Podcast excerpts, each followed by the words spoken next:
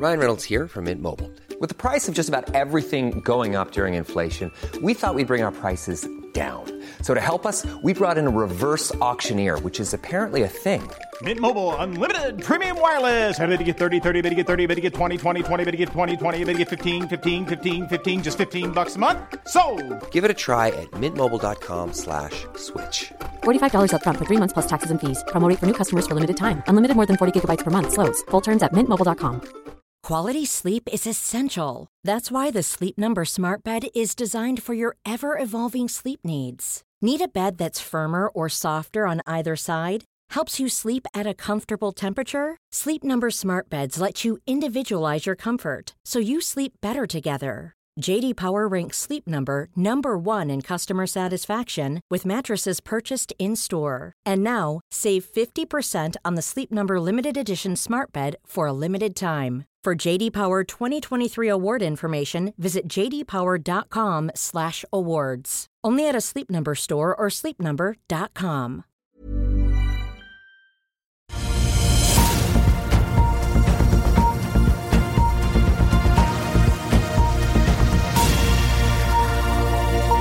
En riktig god eh, morgen og velkommen til Børsmorgen her hos oss i Finansavisen denne fredagen. Mitt navn er Benedikte Storm Bamvik, og med meg har jeg som alltid aksjekommentator Karl Johan Molnes. Med oss har vi også råvaresjef i SEB, Bjarne Schjelderup, der vi bl.a. skal ta en titt på signalene som var sendt ut i markedet etter OPECs møte i går. Men først skal vi ta en kjapp titt på Oslo Børs, som endte gårsdagen med en oppgang på 0,83 Og I dag så venter noen analytiker Roger Berntsen at Oslo Børs vil åpne ned 0,4 mens DNB Markets venter en nedgang på 0,2% ved åpning. Wall Street hadde i går sin siste handelsdag i november, som da skal ha vært børsens sterkeste måned så langt i 2023.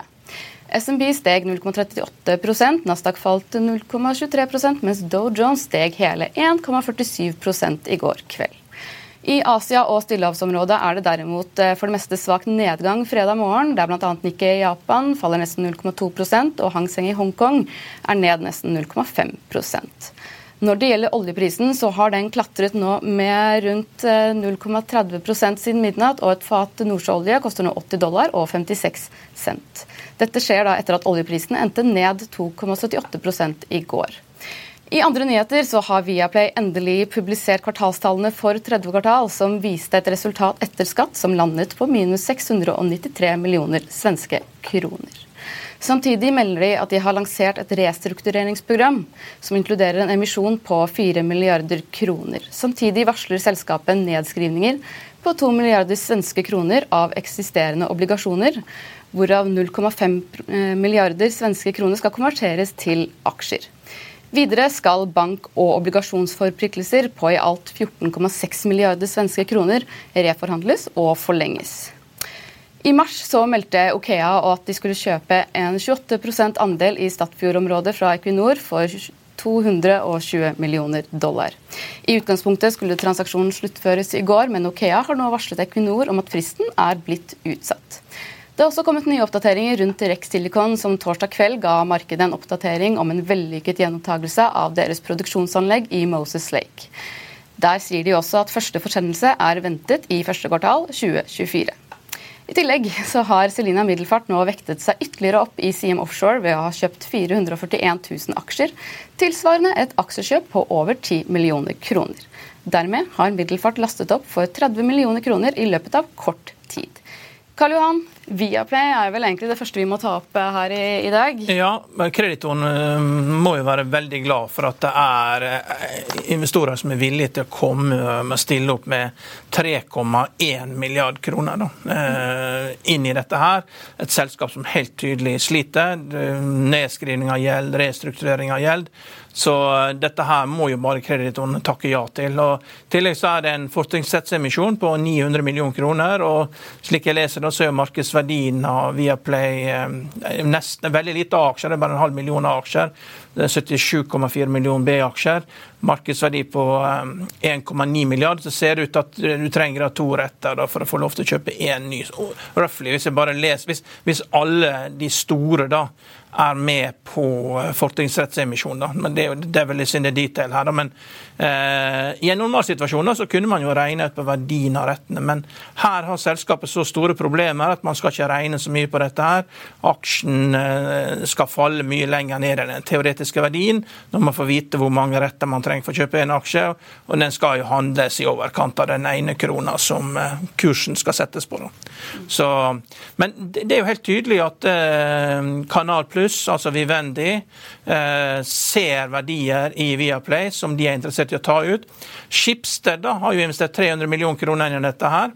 De har jo en markedsverdi på 60 milliard kroner, så dette er jo en halv prosent. Hvis de taper alt der, det gjør jo de ikke, så er det en halv prosent av selskapsverdi. Så det er et meglerhonorar, og nå har Schibsted kjøpt seg De er først i køen, de har sittet ved forhandlingsbordet og kan da være med å diskutere med de andre. Følge med på eh, å legge inn bud på Viaplay Norge, kanskje eventuelt Viaplay Sverige. Og, og, det er mye viktigere for Schibsted, for vi går over til en verden der at vi i løpet av ti år alt blir strømming, og alt skal selges med annonser. og Dermed så er det veldig viktig. og Ellers hadde ikke det vært så stor interesse. Dette her er en brutal død da, av liksom den gamle sånn kabel-TV-modellen eh, som vi er vitne til her, hvor at man har betalt altfor mye på sportsrettigheter. Og Spørsmålet er jo liksom om når du taper så mye penger med den gamle modellen, da, hva, ligger det noe off balance-forpliktelser eh, på sportsrettigheter? Rettigheter som vi ikke er klar over. Slik at dette her er bare begynnelsen, at du må ha en ny restriksjon. Dette her er, det er ikke for private aksjonærer. Man må ikke tro at det er billig selv om det er kroner. Det er snakk om uh, mediegiganter som posisjonerer seg for å få være med og, i omstruktureringer, slik at du, det, alt blir strømming, at de er først ved bordet og kan sikre seg de rettighetene. Da. Så det er omfordeling av land rett og slett av rettigheter. Mm. Men Det har ikke kommet noen nyheter om at Schibsted skal være med videre med kapital? Men de har sagt veldig tydelig at før at de ikke vil være med, at de vurderer situasjonen. og De har jo vært fullt informert, og når syndikatet er på plass og eh, de som har sagt de skal være med på den store emisjonen på 3,1 milliard, det er jo Kanal Pluss, ja, de tsjekkiske medieinvestorene, Nordea, som skal opprettholde sin andel med 7,7 De til sammen går inn med 3,1 milliard, og så er det en fortrinnsrettsemisjon på 900 millioner. og De har sikkert blitt satt da, som eh, Når de gjorde dette, så var sikkert markedsverdien 1,8 milliard, at du trengte to retter. for å, Jeg tipper det to retter gir en eh, rett til å tegne en aksje til én krone. Men dette, dette, er, dette er ikke noen vanlig emisjon. Altså. Dette er, det er en, du kjøper en rettighet til å sitte ved et bord og forhandle om hvordan rettighetene skal fordeles inn i en ny verden. Så man kan kanskje forvente en massiv utvanning av Schibsted i Viaplay? da? Ja, men det, det tror ikke det tar seg. De taper en halv prosent. Det er som et meglerhonorar. Det er ingenting. Og de, dette er verdt hver eneste krone for Schibsted, de 300 millionene, for nå sitter de fremst ved bordet. Og, og Viaplay, eh, når dette blir, eh, dette blir, strømming, så betyr det skal finansieres med annonser. Og da, da er det mye viktigere for Schibsted at de er med på dette. her. Det er mulig at de kommer til å takke nei, at det er andre som kommer inn, andre større aktører som er interessert i å betale mer. Men da har iallfall Schibsted hatt sittet fremst ved bordet, hatt først i køen, og takket nei. Vinen ble for dyr. Det var hyggelig, jeg kunne kjøpt først, men det ble for dyrt. Vi fikk jo også en kommentar fra IR-sjefen i Skipsted hvor de sier at det er positivt at Viaplay tar tak i situasjonen. Men eh, de ser nøye på alle alternativer ettersom de vurderer situasjonen til selskapet som mer krevende enn de forventa da de først gikk inn. Ja, helt klart. Det er jo det er jo nødt til å si. Det, ja, det var jo mer generell utdannelse. Ja. Det var vel enkelt ja, å, å, se det. Eh, skal vi se, vi har ikke fått opp Jo da.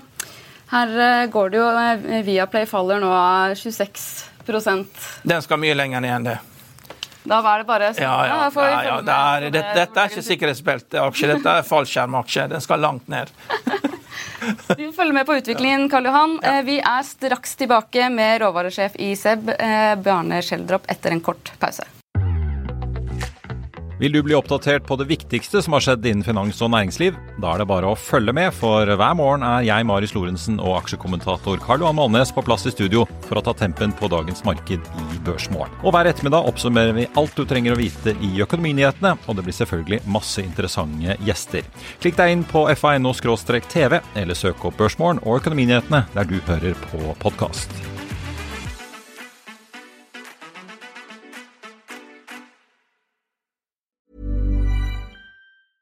Hiring for your small business? If you're not looking for professionals on LinkedIn, you're looking in the wrong place. That's like looking for your car keys in a fish tank. LinkedIn helps you hire professionals you can't find anywhere else, even those who aren't actively searching for a new job but might be open to the perfect role. In a given month, over 70% of LinkedIn users don't even visit other leading job sites. So start looking in the right place. With LinkedIn, you can hire professionals like a professional. Post your free job on linkedin.com/people slash people today. I'll see you in court. Vi sier det ofte litt på spøk, men for deg som driver business, er det aldri moro å innse at du ikke har laget en 100% gyldig kontrakt. Du bør ikke risikere hele firmaet ditt fordi du synes dette med kontrakter er litt stress. En avtale er ikke en avtale. Du kan miste kunder, miste venner, ja, til og med miste inntekter om du ikke lager en skikkelig kontrakt, på alt mulig, egentlig.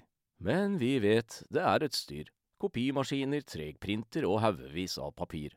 Dessuten stoler vi jo på folk her i landet. Det er ofte litt kleint å skulle be om en signatur for alt mulig, ja, for mye av styret handler også om jakten på underskriften. Det finnes en enkel måte å løse dette på, Dukkobit, en trygg, effektiv og get this, gratis måte å sikre seg en god natts søvn pluss en juridisk bindende avtale. Dukkobit-appen har de strengeste sikkerhetskrav i bunn, samt en EU-godkjent og sertifisert teknologi. Framover vil det bli behagelig å spørre du, skal vi skrive under på det, eller? Kom i gang på dukkobit.no. Da er handelsdagen i gang, og Oslo Børs den faller svakt ned fra start eh, der. Men da tar vi egentlig bare godt imot Bjarne Schjelderup fra SEB, råvaresjef. Velkommen til oss. Takk for at du fikk komme. Vi må jo selvfølgelig snakke om OPEC i går. Eh, som vi nevnte før sendingen her, så var det jo veldig blandet med signaler gjennom handelsdagen i går. Kan ikke du bare kort fortelle hva som skjedde der som overrasket markedet litt? Grann? Jo, altså Normalt sett så, så, har man en eller annen beslutning om et kutt eh, totalt sett for eh, OPEC. Og så fordeles dette her utover medlemmene i henhold til deres andel av totalproduksjonen. Og så kommuniseres det av sekretariatet i eh, OPEC til markedet etter beslutningen. Um, og, men denne gangen var det ikke slik det fungerte, og det forvirret markedet veldig. Fordi her fikk du da flere individuelle frivillige kutt. Så det eneste vi da fikk vite av sekretariatet, det var at det ble frivillige kutt på 900 000 fat. Men de kunne ikke si hvem som skulle kutte hva, og hvor mye, og hvor lenge, og når osv. Så, videre. så da tenkte bare nei, men dette dette var løs fisk. altså. Dette her tror vi ikke så mye på. Vi må ha mer detaljer. Eh, men grunnen til at de da ble kommunisert sånn, det var jo fordi at det var individuelle kutt som måtte signaliseres da av de individuelle energiministerne i de forskjellige landene. Så det er jo da kommet etter hvert, og nå har man ganske mye klarhet i hvordan disse kuttene kommer til å bli utført. Russland har sagt de skal redusere med 200 000 fat. Eh, Kuwait, Forente arabiske emirater og Irak har også bidratt med kanskje 500 000 fat ca. totalt. Så nå er vi spesifiserte kutt på 700 000 fat. Så vi mangler fortsatt 200 000 fat for å komme opp i disse 900 000 fatene. Men det kommer antakeligvis til å komme fra flere av de små medlemmene. Eh, men altså forventningen til dette møtet, sånn eh, i oppløpet, så var jeg ganske tydelig på at dette her blir mye skrik og skrål av armer og bein. Fordi at de må kutte mer, og Saudi kommer ikke til å gjøre dette kuttet alene eh, fremover. Saudi kommer til å kreve at de andre medlemmene kommer til å delta. Og da var liksom hovedsuspects av de som måtte delta, var Kuwait, Forente arabiske emirater og Irak. Og det er jo også de som på en måte har kommet på banen, pluss Russland. Så det ble en løsning, og, og det vi ser er jo stort sett så leverer OPEC pluss på de kuttene som de sier at de, de skal, skal kutte. Så det var forventet? Nei, det var ikke forventet. Altså, det var stor åpning for at, eh, for at, eh, det også kunne bli enda en utsettelse. Altså, de skulle jo egentlig hatt et, et fysisk møte på søndag, og så ble det bare canna totalt og utsatt da til torsdag til et, et eh, virtuelt møte istedenfor. Og det var godt mulig at det kunne bli utsatt ytterligere også fordi det var uenigheter. Men det er klart at Saudi kom til dette møtet med en veldig solid story. Folkens, nå har vi kutta stort sett gjennom hele 2023. Dere har fått en høy oljepris på over 80 dollar. Takket være oss. Nå må dere komme og hjelpe til og kutte litt dere også i første halvår 2024. Kom an, folkens. En veldig bra story de hadde å komme med i det møtet. Så det var ikke så rart at det ble en løsning. Og vi forventet jo at det ble en løsning. Og det ble det til slutt, etter mye skrik og skrål og, og, og uenighet. Og så er det fortsatt en del løse tråder, sånn som Angola og Nigeria etc. Men eh, nå er det jo Russland, de skal jo også øke sine kutt. Hva tenker du om det? Ja, altså, De skal redusere eksporten med 200 000 fat. Um, altså, hvis vi ser tilbake til april-mai 2020, hvor oljeprisen kollapset i en krig, priskrig mellom Russland og Saudi-Arabia, så kom de jo da til enighet hva skal være vår baseline. Altså Saudi produserer normalt 10 millioner fat. Og, og, Russland har normalt produsert 11 millioner fat i de senere årene før den krisen med Ukraina. Eh, så da ble de enige om, for å være likeverdige partnere i OPEC pluss, så ble de enige om å ha en referanse baseline, begge to på 11 millioner fat. Som man da kutter fra. Så at det som er avgjørende, er egentlig at de produserer noenlunde like mye. For da er de jevnbyrdige partnere. Så at hvis da Saudi står på 9, og, og Russland da produserer kanskje 9,2-9,3, så er det naturlig i en sånn jevnbyrdighet mellom Saudi-Arabia og Russland, at Russland også justerer seg ned til der hvor Saudi-Arabia er. Da er de fortsatt jevnbyrdige med hensyn til hvor mye de produserer eh, som likeverdig partner i OPEC+. Du sa jo også at Det var noen løse tråder bl.a. med Angola, og de sier at de ikke vil holde seg til kvotene. Altså, Er det mer strekk i OPEC nå enn vanlig? Altså, det er jo et problem med at det er flere og flere medlemmer som har handikap. Liksom sånn, ja, vi er enige i at det skal kuttes, men vi kan ikke kutte. Det er på en måte flere og flere medlemmer som har den situasjonen. Og det er typisk da Iran, som da har fått produksjonen sin redusert kraftig pga. sanksjoner. ikke sant? Du kan ikke kreve at de skal redusere ytterligere på toppen av, av de sanksjonene, hvordan de har presset produksjonen ned. Eh, du har Venezuela, som har, vært, eh, har, hatt store problemer også med sanksjoner og, og, kraftig fall i produksjonen. Skal de da kutte, kutte ytterligere etter at de har liksom hatt et stort fall i produksjonen? Nei, det kan de ikke. Libya, samme story. Eh, Nigeria og Angola eh, de har jo hatt et kraftig fall eh, fra halvannen til to millioner fat ned til dagens ca. én million fat hver seg.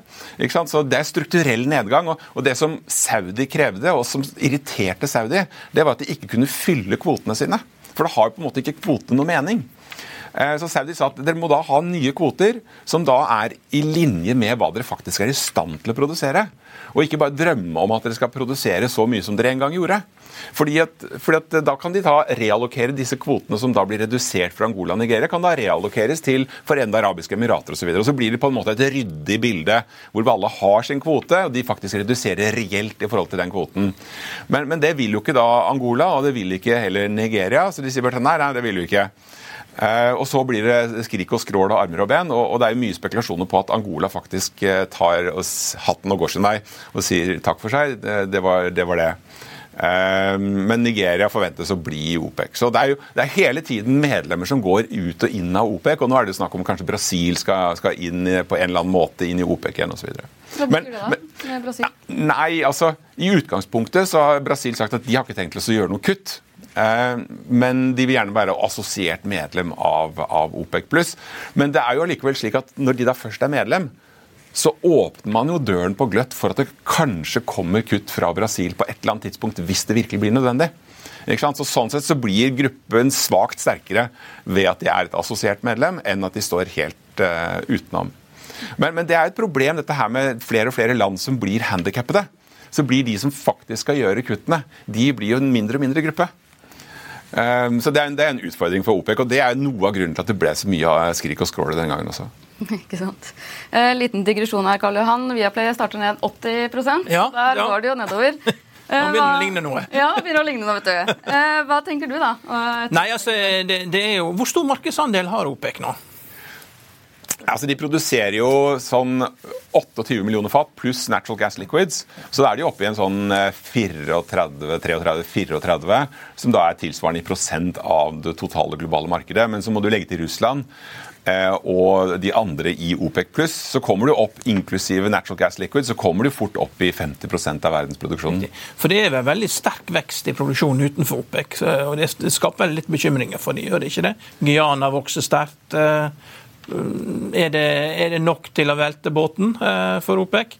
Altså, den, den, virkelig store, altså, Noe av problemet her er jo også at både så har produksjonen utenfor OPEC vokst raskere enn verdenskonsumet som gjør at kaken til OPEC krymper. Og Hvis vi da ser på hva verden trenger av olje fra OPEC, da ikke OPEC pluss, bare fra OPEC neste år, så faller den med kanskje 300 000 fat, fordi verdensproduksjonen utenfor OPEC forventes å øke med kanskje 1,2 millioner fat per dag per år neste år, mens globalt konsum er forventet å øke med bare 0,9. Sånn at uh, verdensproduksjonen utenfor OPEC øker raskere enn global konsum, og så krymper kaken til OPEC. Så Det er jo negativt. Så, men, men, 300 000 fat det er liksom ikke den helt store som velter dette her lasset.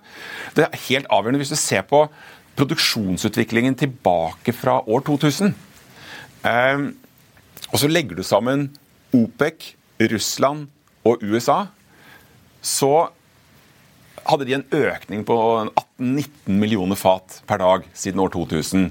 Og så tar du hele resten av verden, en økning på 0,8 millioner fat. Så, så, den reelle produksjonsveksten i verden har jo vært OPEC, Russland og USA, og da særdeleshet USA. Særdeleshet USA.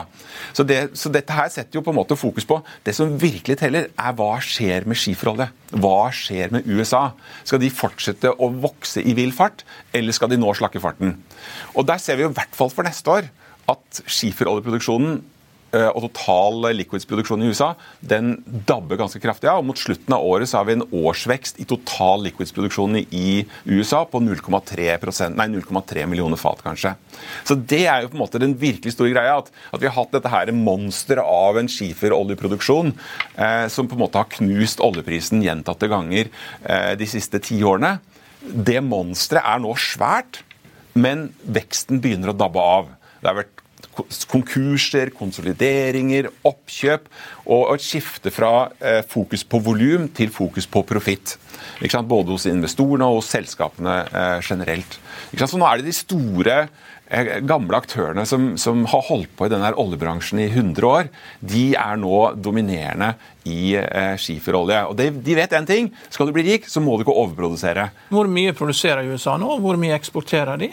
Ja, altså hvis du tar totalt, da, inklusive biofuels og alt mulig, og natural gas liquid, så produserer de en 22-23 eh, millioner fat.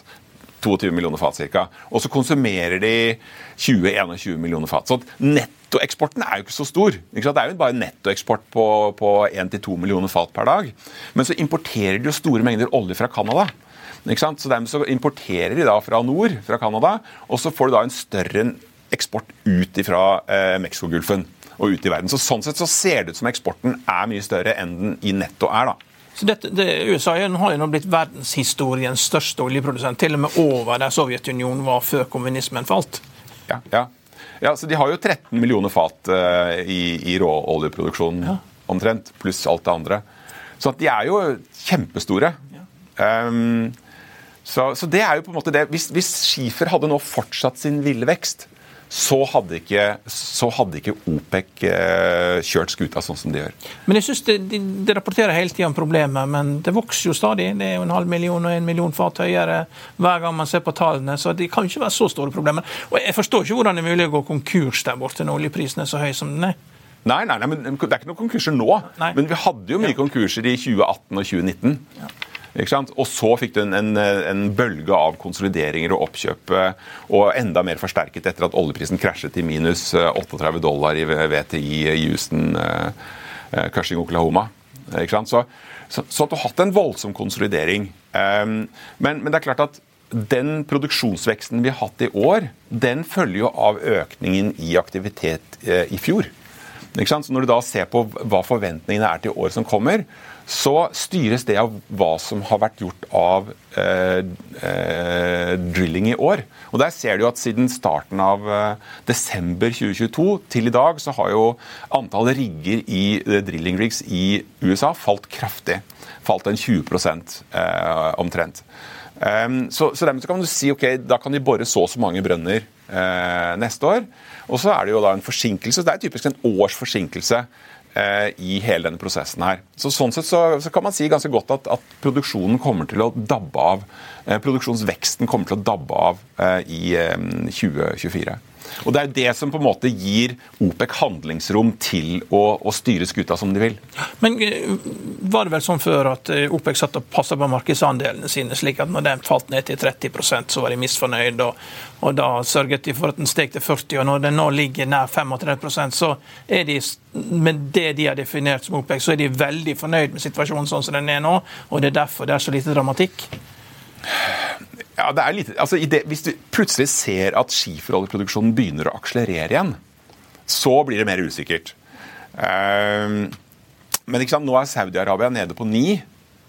Ja, I korte perioder så kan de trekke det ned til, eh, til åtte også. Men de er ikke så veldig kine på å redusere produksjonen veldig mye under ni. og liksom, De kan ta og åtte, ja. ikke sant? Men, men, men det, liksom, det, begynner på en måte å nærme seg et smertenivå på hvor langt de har, gå, har lyst til å gå. og Det var jo også derfor eh, jeg forventet at de kom til å kreve at andre medlemmer måtte steppe opp og kutte. og Det var jo også det som skjedde eh, på dette møtet. Så, så ja, de, de, de, de, kan fortsatt styre skuta ganske godt. Um, og Så kommer det an på hva skjer neste år. Hvordan blir konsumveksten? Blir den bare 0,9? Eller får vi på en måte en, en ordentlig økonomisk uh, slowdown pga. den høye renteøkningen, kraftige renteøkningen som vi har hatt? Eller får vi normal konsumvekst på, på 1,3 millioner fat per dag per år? Det, det, gjenstår jo å se. Men i hvert fall uh, sånn som det ser ut nå, så skal vi ha en svakere økonomisk vekst neste år enn i år. På marginen, ikke så voldsomt mye. En eh, global vekst går fra type 3 eh, i år til 2,8 neste år. Så det er en svakere puls i den globale økonomien. Eh, konsumveksten går fra type 2,4 millioner fat per dag per år i år til bare 0,9 neste år. I hvert fall forventningen til International Energy Agency. Og at behov for OPEC-olje også krymper litt, samtidig som du har økning internt fra Venezuela og Iran. Så du har både interne negative krefter og eksterne negative krefter som påvirker OPEC, som, som gjør dette her mer utfordrende. Hadde vi ikke hatt denne her, den relativt kraftige oppgangen fra Iran og Venezuela, så hadde det vært mye lettere for OPEC å håndtere dette her. Nå både krymper kaken pga. Eh, eksterne saker. Men også de som da skal kutte, de presses også mot veggen fordi du har økende produksjon i Venezuela og, og Iran. Hvordan har Europa løst eh, bortfallet av russisk gass? Eh, hva, hva, er Det som, altså, det var jo panikk og nødløsninger og omdirigering av laster i fjor, men det er ikke noe snakk om hva som skjer nå. Er det, hvordan, hva er den naturlige situasjonen inn i vinteren, og hvordan har de løst dette her? Nei, altså, Vi har to saker som har vært løsningen. Um, ene er at Europa reduserte gasskonsumet med ca. 15 uh, og, det er halvparten av løsningen. Det andre er at de da økte importen av LNG kraftig. Um, så at du har på en måte hatt, det er Prisen, en veldig høy pris, har ført til konsumreduksjon i Europa. Men det har også ført til en konsumreduksjon globalt. Så det er takket være at vi faktisk har et velfungerende globalt LNG-marked som gjorde at den priseksplosjonen vi fikk i Europa, den forplantet seg til hele verden. Så det var ikke bare Europa som reduserte konsum pga. en høy pris, men hele verden reduserte konsum pga. en høy pris og, og, skiftet over til å produsere mer kull, konsumere mer kull, eh, reduserte energieffektivitet. Og det var på en måte denne her demand destruction på verdensbasis pga. den høye LNG-prisen globalt, som gjorde at Europa da kunne importere så veldig mye mer eh, gass. Så stor økning i import av LNG. Eh, kraftig reduksjon av konsum eh, i EU. Ca. 50-50, de to faktorene. Men også da demand-effekt som har slått inn globalt, som gjorde at Europa plutselig kunne ta inn så mye mer LNG. Så Det har vært løsningen, men per i dag så konsumerer jo da Europa fortsatt 15% under det de gjorde. Og det er jo da nedstenging av tungindustri, type smelteverk for, for sink, smelteverk for aluminium, som er nedstengt, med en veldig mye høyere kraftpris nå enn det vi er vant til. Altså Historisk kraftpris i Tyskland har jo type 40 euro per megawatt-time, og nå er den jo 100. Mens, og Det er jo en blanding av en høy gasspris og en høy CO2-pris.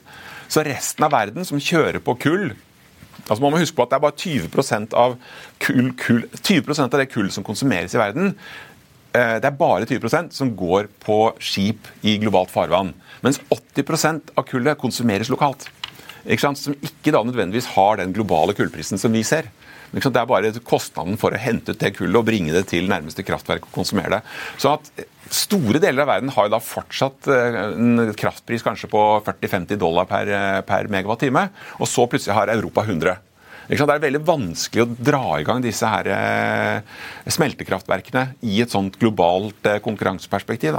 Og, Derfor så er det ikke naturlig Det er ikke sikkert at den, konsum, den konsumet av gass umiddelbart går opp igjen til nivåer før invasjonen av Ukraina.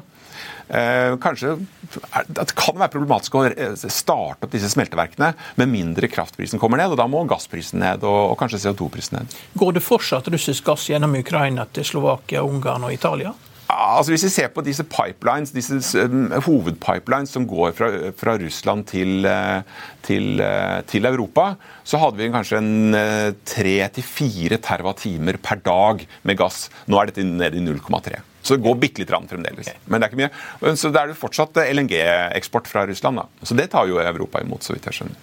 Sist vi snakket sammen, så nevnte du også at vi er i en sykkel nå i oljemarkedet eh, som er på vei nedover. Og så er det veldig mye spekulasjoner om når man treffer denne bunnen, og hvilke signaler man kommer til å se før eh, dette punktet skjer. Kan ikke du fortelle litt mer om akkurat den trenden? Jo, altså Når du ser på eh, spekulative posisjoner i oljemarkedet, så ser jeg at det er en veldig eh, sterk relasjon mellom økning og, og kontraksjon i disse spekulative posisjonene eh, versus den globale industrisykkelen.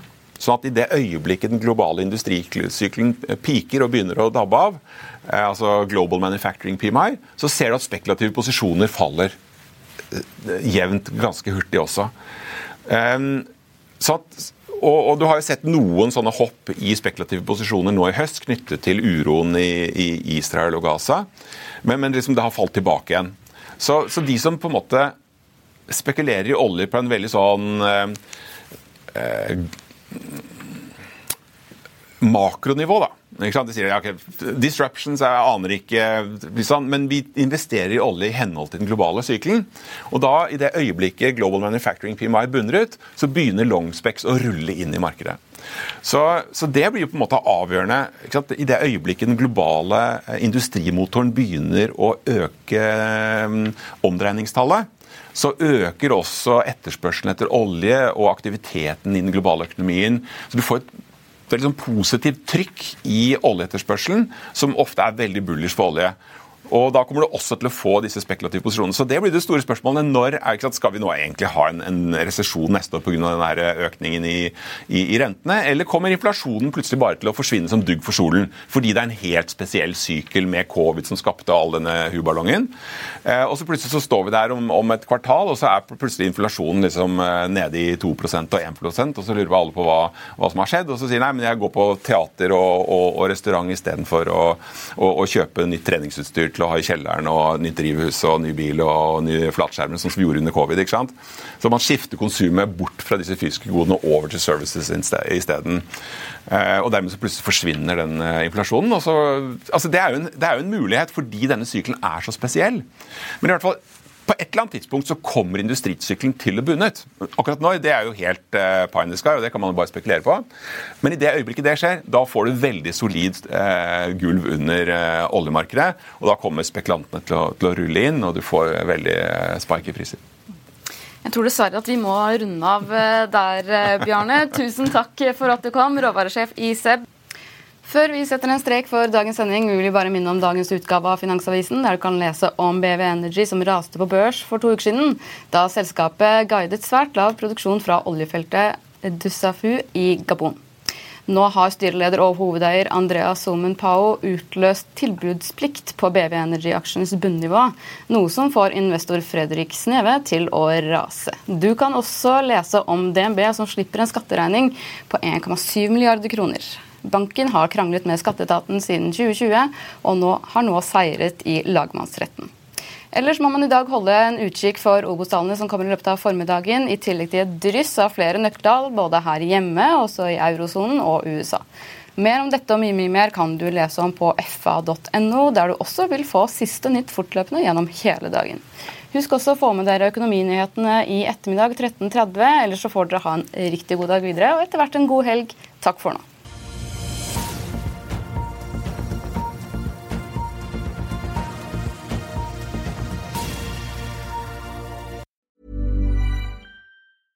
This Mother's Day, treat mom to healthy, glowing skin with Osea's limited edition skincare sets.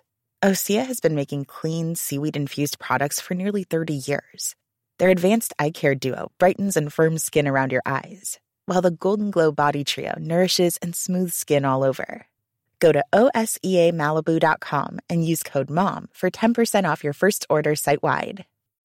When you need mealtime inspiration, it's worth shopping Kroger, where you'll find over 30,000 mouthwatering choices that excite your inner foodie. And no matter what tasty choice you make, you'll enjoy our everyday low prices, plus extra ways to save, like digital coupons worth over $600 each week. You can also save up to $1 off per gallon at the pump with fuel points. More savings and more inspiring flavors make shopping Kroger worth it every time. Kroger, fresh for everyone. Fuel restrictions apply. Økonominyhetene er en podkast fra Finansavisen. Programledere er Marius Lorentzen, Stein Ove Haugen og Benedikte Storm Bamvik. Produsenter er Lars Brenden Skram og Bashar Johar. Og ansvarlig redaktør er Trygve Hegnar.